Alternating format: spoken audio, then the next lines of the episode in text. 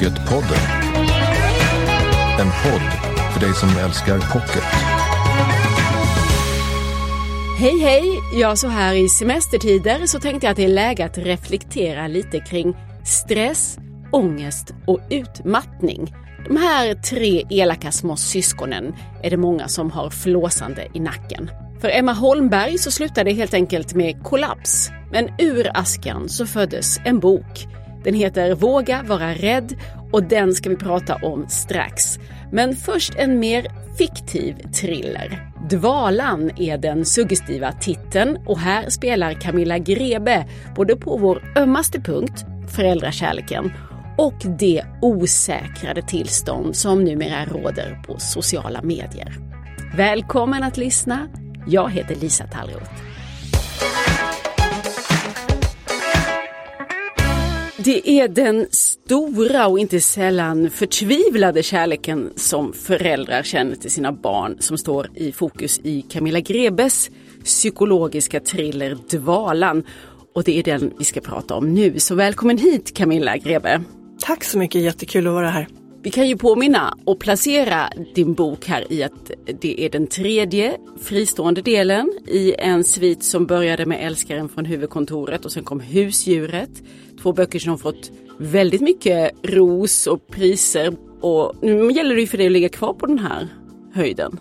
Är det, har du prestationsångest? Jag hade eh, ganska mycket prestationsångest när jag skrev Dvalan faktiskt. Det kan jag inte sticka under stol med man kan inte ha användning av de där, den där boosten man har fått och tänka att men nu är det uppenbarligen så att folk gillar det jag skriver, nu bara kör jag. Men om jag ska vara helt ärlig så tror jag att man har mer användning för prestationsångesten och ångesten som liksom jagar en och den är ändå på något sätt prestationshöjande. Dvalan är ju en väv med flera olika trådar. Vi har Samuel som är en viktig person. Det är en 18-årig ung man som är ganska vilse i tillvaron och framförallt är han ju ute på djupt vatten som underhuggare till kvarterets knarkkung kan man väl säga. Och så tabbar han sig och måste fly fältet. Och kvar finns då hans mamma, Pernilla. Mm. Och jag sa ju att det finns flera sådana här viktiga föräldrar-barnrelationer i boken mm. och det här är en av dem. Och vem är Pernilla? Ja, hon är ju då, hon är Samuels mamma och hon, eh, hon är en väldigt ung mamma. Hon var väl bara 17 tror jag när hon blev gravid med, med Samuel. Och eh, hon kommer från en väldigt religiös familj. Hennes far är frikyrkopastor. Hon är väldigt hårt hållen av, av sin församling, av sin far och också av sig själv. Och det som händer då när Samuel drar iväg är ju att så småningom så hon tvingas konfrontera sina egna, eh, sin egen syn på tillvaron och, och, vad som är tillåtet att göra och inte. För att hon vill hjälpa honom, men för att hjälpa honom så måste hon liksom gå över alla gränser som hon har satt upp för sig själv. Och det här är ju någonting hon brottas ganska mycket med, hur hon, inte egentligen Gud tror jag, men kanske mm. vad Gud vill med ja. henne och vad hon får göra och inte göra. Ja, ja. Hur, hur kom det sig att det här blev en, en tråd som du tog upp? Jag, jag är nog liksom lite fascinerad av hur, hur det är att befinna sig i en sån värld som har såna starka begränsningar som man tänker sig en, en ganska ortodox kristen familj då till exempel. Eller det kan vara också i, ehm, i Älskaren från huvudkontoret så, så handlade det ganska mycket om ehm, Peter, där, polisen, han hade vuxit upp i en familj där man var väldigt politiskt engagerad i, ehm, i liksom vänsterrörelsen och det var FNL och man demonstrerade och liksom allt det här. Va? Och mm, jag tror att jag bara lite fascinerad av de här världarna som jag själv har så liten erfarenhet av egentligen, för att jag har ingen jag har liksom ingen religiös bakgrund. Jag fick göra jättemycket research här för det finns en hel del liksom bibelcitat och, och en hel del symbolik i den här berättelsen och det, det fick jag kolla upp rätt noggrant för jag kunde verkligen ingenting om det. Och det är samma sak med hela den här vänsterrörelsen, FNL och allting. Det, det var ju också någonting jag läste liksom böcker om och det, det roar mig att göra det, den typen av research. Om vi rör oss lite vidare i handlingen i boken Valan så är ju då Samuel på flykt undan den här knarkledaren och han hamnar ute i skärgården. Ja. Och så måste han få tag i pengar och boende på något sätt och då löser det sig genom att han kan ta jobb som en slags personlig assistent åt en, en svårt handikappad kille vars mamma då behöver avlastning och det här är också en förtvivlad mamma. Ja. Det är den andra och sen så den tredje förtvivlade föräldern det är polisen som vi känner sedan tidigare böcker, Manfred Olsson. Ja. Hans lilla dotter råkar ut för en svår olycka och kommer att sväva mellan liv och död genom boken. Berätta, hur gick dina tankar kring det här temat? Alltså just det här temat kring eh, föräldraskap, det var ju någonting som tror jag eh, växte fram för att det, som, det, det jag liksom bestämde mig för först var egentligen själva tvisten i den här historien. Den vänder ju liksom på slutet när man eh, inser vad det är som har hänt. Du slår till rakt i den, i den döda vinkeln Ja. kan man säga. Alltså det är Ja. ett ö, överraskande, Ja. fantastisk vändning som det hela tar. Men det, det får vi inte prata om nu. Vi får hålla oss Nej, till men det är eh, lite föräldrar- nästan skräckfilmsvändning ju. Och, det, och den var liksom den jag kom på först. Oh, wow, det här vill jag göra tänkte jag. Sen växte det här fram och liksom blev tydligare. eh, Det här temat med föräldraskap. Det är lite som Alltså vem var det som sa det? Kommer inte ihåg, men, men det var lite, sa någonting i stil med att skriva en bok det är som att vara arkeolog och hålla på och frilägga någon sorts skelett sådär med någon pensel. Att först ser man inte vad det är men sen ser man det mer och mer och sen så liksom penslar man och penslar och sen så, så ligger det där liksom. Och det var nog inte tydligt för mig, ens för mig själv, att det här med föräldraskap skulle bli ett så genomgående tema som det sen blev. Men jag är ju förälder själv. Så att jag, det är klart att jag tänker i, i de här banorna och det här är liksom starkt för mig och det är aktuellt för mig. Och jag tror att det är den starkaste, tåligaste formen av kärlek som finns. Vi skiljer oss, vi lämnar vänskapsrelationer. Men det är väldigt ovanligt att vi bryter med våra barn eller våra föräldrar. Samtidigt som det är de allra jobbigaste relationerna ofta för de är, så, de är så stora och man vill så mycket. Ja. Samtidigt det, det är en enda, långt, lång prövning i att kunna släppa eh, taget och det är ju Ja. det som de lyckas lite varierat med de här Ja. föräldrarna i boken. Är det någon av dem du känner extra för? Alltså, kanske lite extra för Samuel då. Jag, jag tänkte när jag skrev om honom att det här blir svårt att skriva om en tonårskille. Jag skriver ju i första person också. Alltså jag skriver hela tiden jag, jag gör, jag tänker, jag och så vidare. Och då hamnar man så i huvudet på de här karaktärerna och då tänkte jag så här att det kanske blir svårt Samuel. Inte bara för att han är så pass mycket yngre än vad jag är utan för att han är, han är kille, man också. Men eh, det gick väl lätt faktiskt att, att hitta honom på något sätt. Jag fick kämpa lite mer med Pernilla till exempel. Så man skulle kunna tro ligger närmare dig? Ja, Ändå kvinna och mamma och ja. lite mer upp i åren. ja. Men hur fick du kontakt med Samuel då? Den här 19-årige ynglingen på glid. han bara var där. Det var enkelt och det gick lätt. Och sen så fick jag liksom kolla upp lite grejer. Jag, där använde jag mina egna barn till att kolla. De håller ju på rätt mycket med sina sociala plattformar hela tiden. Det är Snapchat och Instagram och sådär. Det är inte så att det handlar bara om det, men det är, för Samuel så är det väldigt viktigt. Och där fick jag ju stämma av lite med mina barn hur det funkar på Snapchat och sådär. Nu har du glidit över i ett annat tema som boken har och som jag förstår att du vill, eh, att du vill prata om eller som du har funderat mycket kring. Vilket utrymme och vilken plats har sociala medier tagit i vår kultur och i vårt medvetande? Va- Hur tänker du kring det där? Jag tänker att sociala medier har förändrat vårt sätt att kommunicera och förhålla oss till varandra fundamentalt. När jag skrev det här så ville jag utforska vad som skulle kunna hända i, i ett extremfall i den här världen där det har blivit så viktigt för oss att att få likes och att få följare och allt det som räknas på sociala medier. Och jag tänker att det har skrivits en hel del om sociala medier men då är det kanske mer Tänk en deckare där när någon är ute på Tinder eller någonting och ska dejta och sen så visar det sig att det är en, eh, förstås en elak mördare som man dejtar eller något sånt där. va. Men det här, det här handlar liksom om- om andra saker. Det här handlar om den här fasaden vi sätter upp och hur viktigt det är att få den här bekräftelsen hela tiden. Den här kicken eh, som man får eh, när man lägger ut någonting och alla likar och det där. Vad, vad, vad gör det med oss? Liksom? Vad gör det med oss som människor när det primära gränssnittet mot andra har blivit sociala medier istället för att vi står här mitt emot varandra och pratar som du och jag gör nu. Och det räcker med att du liksom ser omkring på tunnelbanan, alla sitter med en mobil framför sig. Samtidigt har du ju i dina böcker ganska ensamma personer Ja. som tar det här som en livlina också. Ja. Att, att finnas till för att andra läser och delar och delar problem. Ja, men det går liksom inte att dissekera det här, jag höll på att säga problemet, den här företeelsen utan att eh, någonstans erkänna att den har två det finns två sidor av myntet. Det är inte bara så att vi blir liksom ytliga och banala för att sociala medier finns, utan det finns också möjlighet att nå ut till andra och få liksom hjälp och stöd och information och en massa saker. Och då, som jag sa, jag tycker att det är intressant och jag tror att vi håller på att genomgå en fundamental förändring. Och sen började jag läsa om det och att man ser även liksom i vetenskapliga undersökningar att trenden är att vi blir mer och mer narcissistiska och det sammanfaller med eh, framväxten av sociala medier. Så att jag tyckte att det var någonting väldigt intressant att titta på. Och sen så hade jag den här idén om, om den här spännande boken jag ville skriva som där handlingen på något sätt skulle kunna byggas ihop med, med den här tematiken. Då.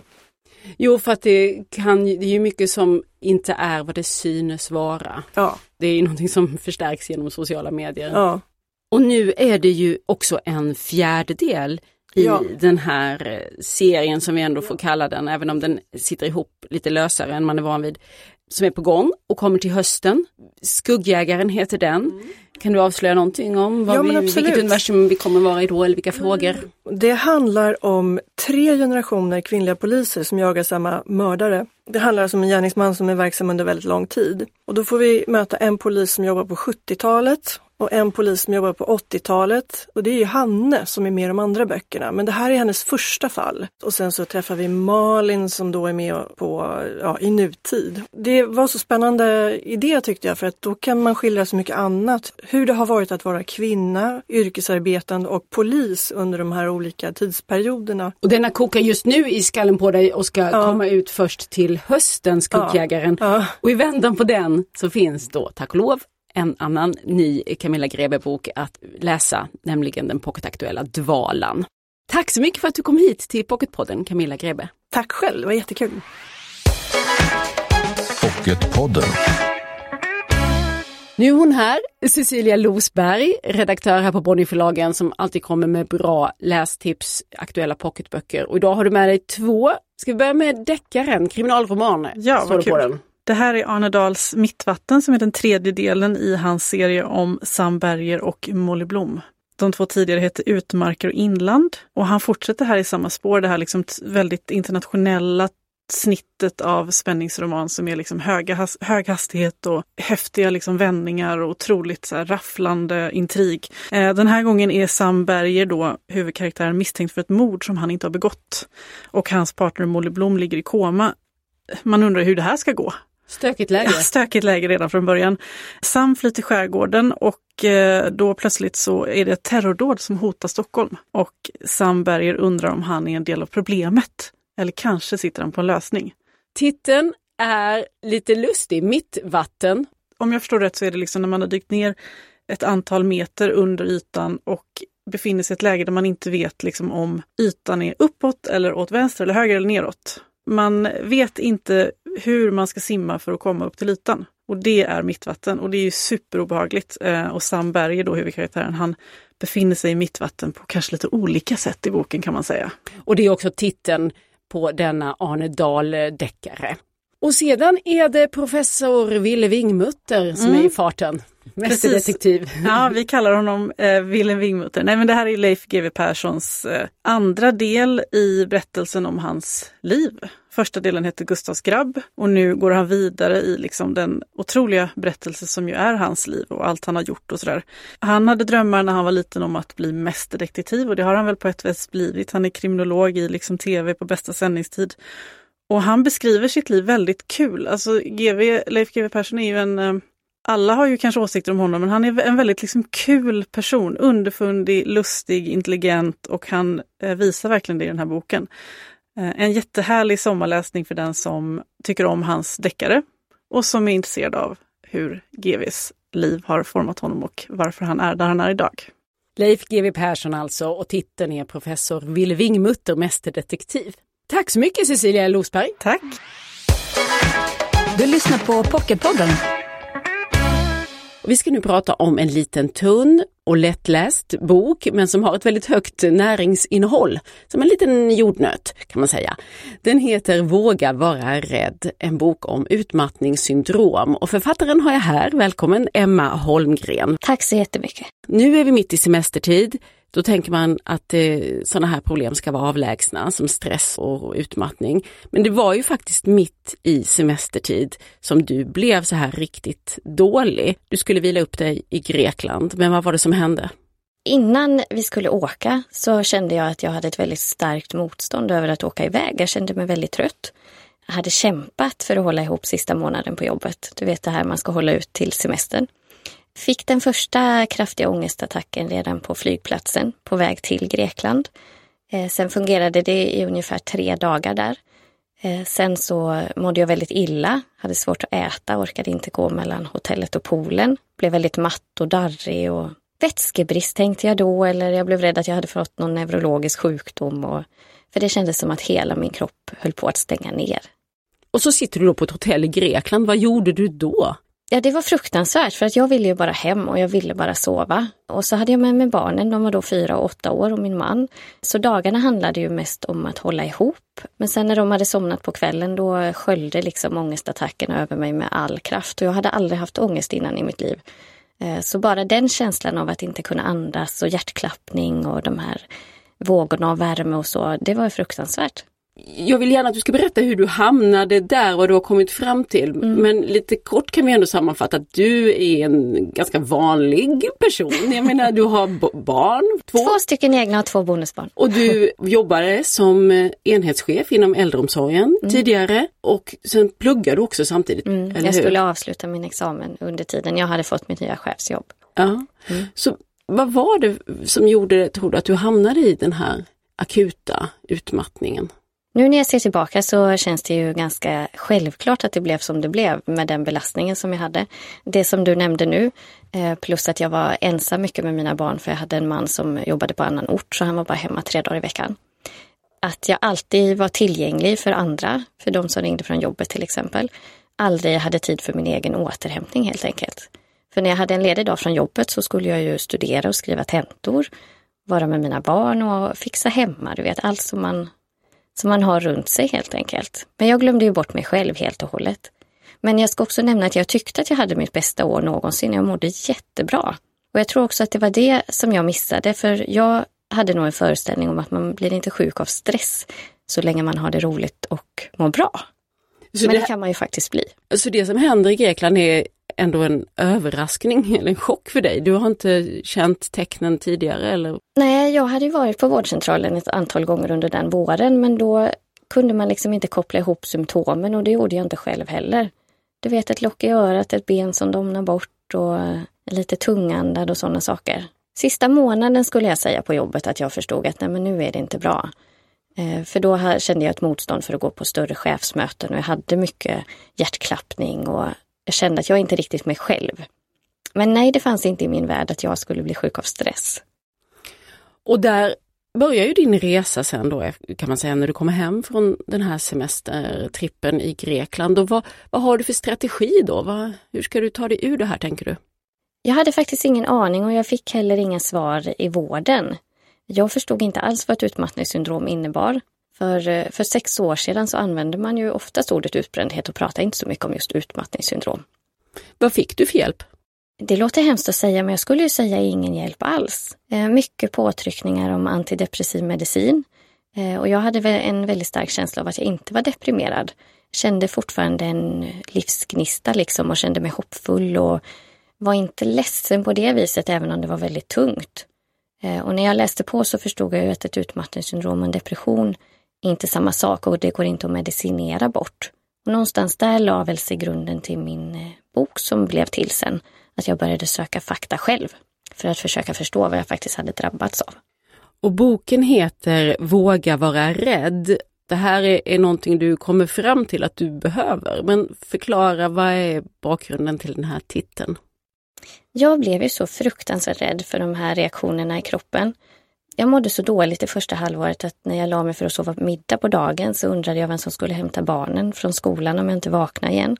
Frågade min man på kvällarna, trodde att jag kommer vakna imorgon. För jag hade den här starka känslan av att hur, hur länge ska kroppen orka må så här? Hur länge kan man gå med sån här hög puls och det här trycket över bröstet och ångesten? Och... Men så insåg jag väl någonstans att jag, jag får acceptera att nu är det så här med min kropp. Och om man blir liksom rädd för alla de här sakerna så rädslan bara växer. Den kan växa hur mycket som helst, men att man på något vis får acceptera att jag är skör och svag nu och det är okej att vara det. Man behöver inte alltid vara stark. Men det, låter, det är ju väldigt svårt för att kroppens signaler är ändå det du också har att gå på. Ja. Och om liksom larmsystemet dånar, hur ska man då orientera sig om, hur, hur kom du fram till att du skulle våga vara rädd som du uttrycker det? Ja, det var jättesvårt och det tog säkert ett år skulle jag säga. Efter ett halvår så kan jag nog känna att det vände lite grann, men kunskap hjälpte mig väldigt mycket. Att jag läste på och förstod att det här är faktiskt naturliga reaktioner i kroppen. Det är ingenting som jag behöver vara rädd för. Och på något vis att min kropp talar ju om för mig nu vad jag behöver göra. Och det är att vila och varva ner. Hur såg din sjukdomsperiod ut? För du är ju sjukskriven sen i ett år helt Mm, och hållet. Det stämmer. Jag sov mycket. Eh, jag gick mina små rundor runt kvarteret. Det var också väldigt främmande att inte ha den här fysiska orken. Jag skrev ganska mycket dagbok. I boken kan man säga att jag från början skrev till mig själv för att liksom lugna mitt eget system. Dagarna var väldigt tomma. Inte så mycket vänner, lite umgänge med familj. Hade en granne som blev väldigt betydelsefull för att hon gick de där korta promenaderna med mig. Men tog du bara hand om dig själv? Fick du ingen, eh, ingen hjälp från vården eller? Det fanns inga resurser alls via min vårdcentral. Eh, Och det ser ju väldigt olika ut var man bor och vem man träffar skulle jag säga när man blir sjuk. Men nej, inget, inget stöd utifrån överhuvudtaget. Hur tar du dig själv ut? För nu står du ju ändå här i, idag och eh, du eh, har ju dessutom startat en ny karriär och driver ett litet förlag nu, bokförlag. Så hur har du liksom lyckats ändå ta dig hit idag och stå upprätt? som det låter som du inte kunde göra då när det var som värst. Nej, men så var det. Andningen blev väldigt viktig för mig faktiskt. När jag kom till den här insikten att man faktiskt kan lugna sitt eget stresssystem och tala om för kroppen att det inte är någon fara. Eh, Sen acceptansen var jätteviktig. Jag skulle säga att man kan inte bli frisk från ett utmattningssyndrom förrän man själv accepterat att man faktiskt har blivit sjuk av stress. Jag tänker på en annan bok vi har pratat om här i podden under Mm. våren, Geir Gulliksens Se på oss nu.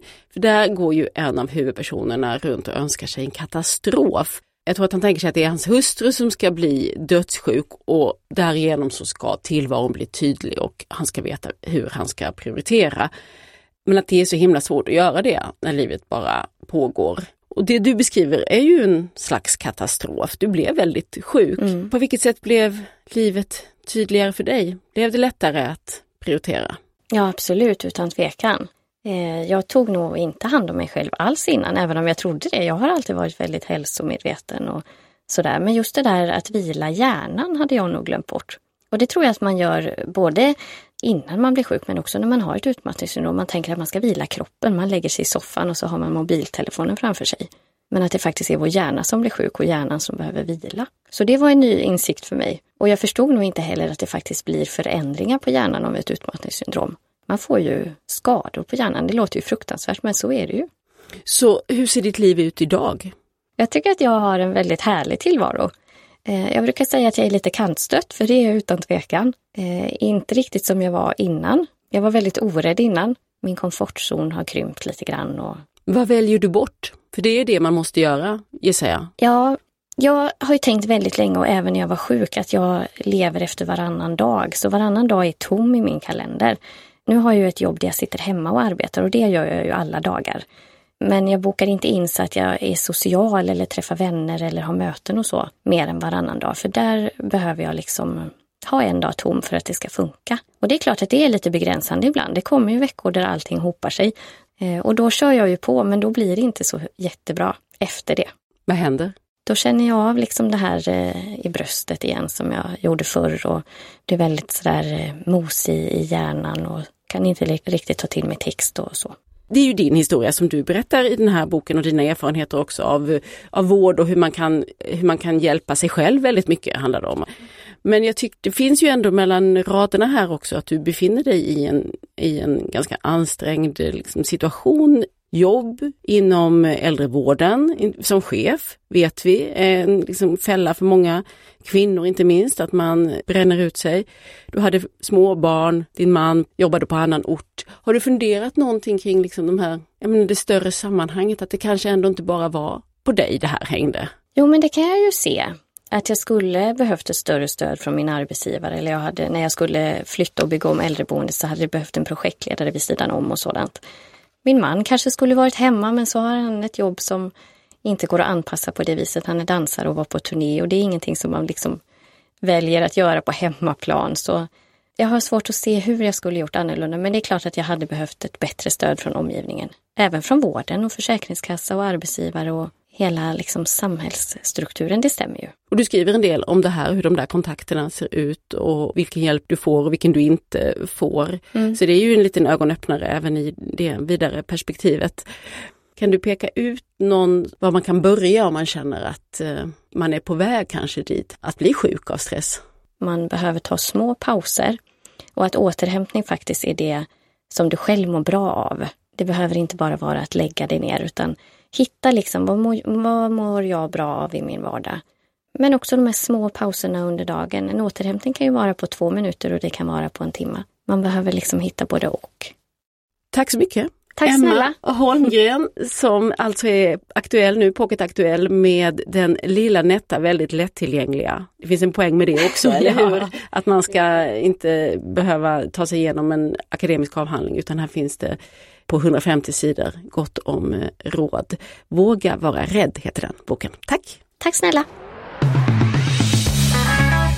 Pocket Shop sponsrar ju Pocketpodden och det sammanfaller med att Pocket Shop också firar 30 år i år och har sålt då pocketböcker till svenska folket i tre decennier. Och idag Madeleine Risberg, butikschef. Hallå ja! Ska vi snacka om omslag, för det har ni ett starkt förhållande till i Pocket Shop. Det var ju egentligen ända från början, 1989 när vi startade, så var vi ju egentligen först med att sätta böckerna med framsidan utåt. Innan har man alltid liksom haft dem ja, med ryggen utåt och gått lite sådär snett med huvudet. Men eh, för att det skulle vara tillgängligt, man kanske har bråttom på Stockholms centralstation och bara hugga en bok, så valde vi att sätta dem med framsidan utåt. Det har vi fortsatt med ända sedan dess. Det roliga är ju också när de hamnar bredvid varann. När Läckberg hamnar bredvid Ulf Lundell eller Lucy Dillon bredvid Fjodor Dostojevskij. Det blir lite roliga kombinationer där också.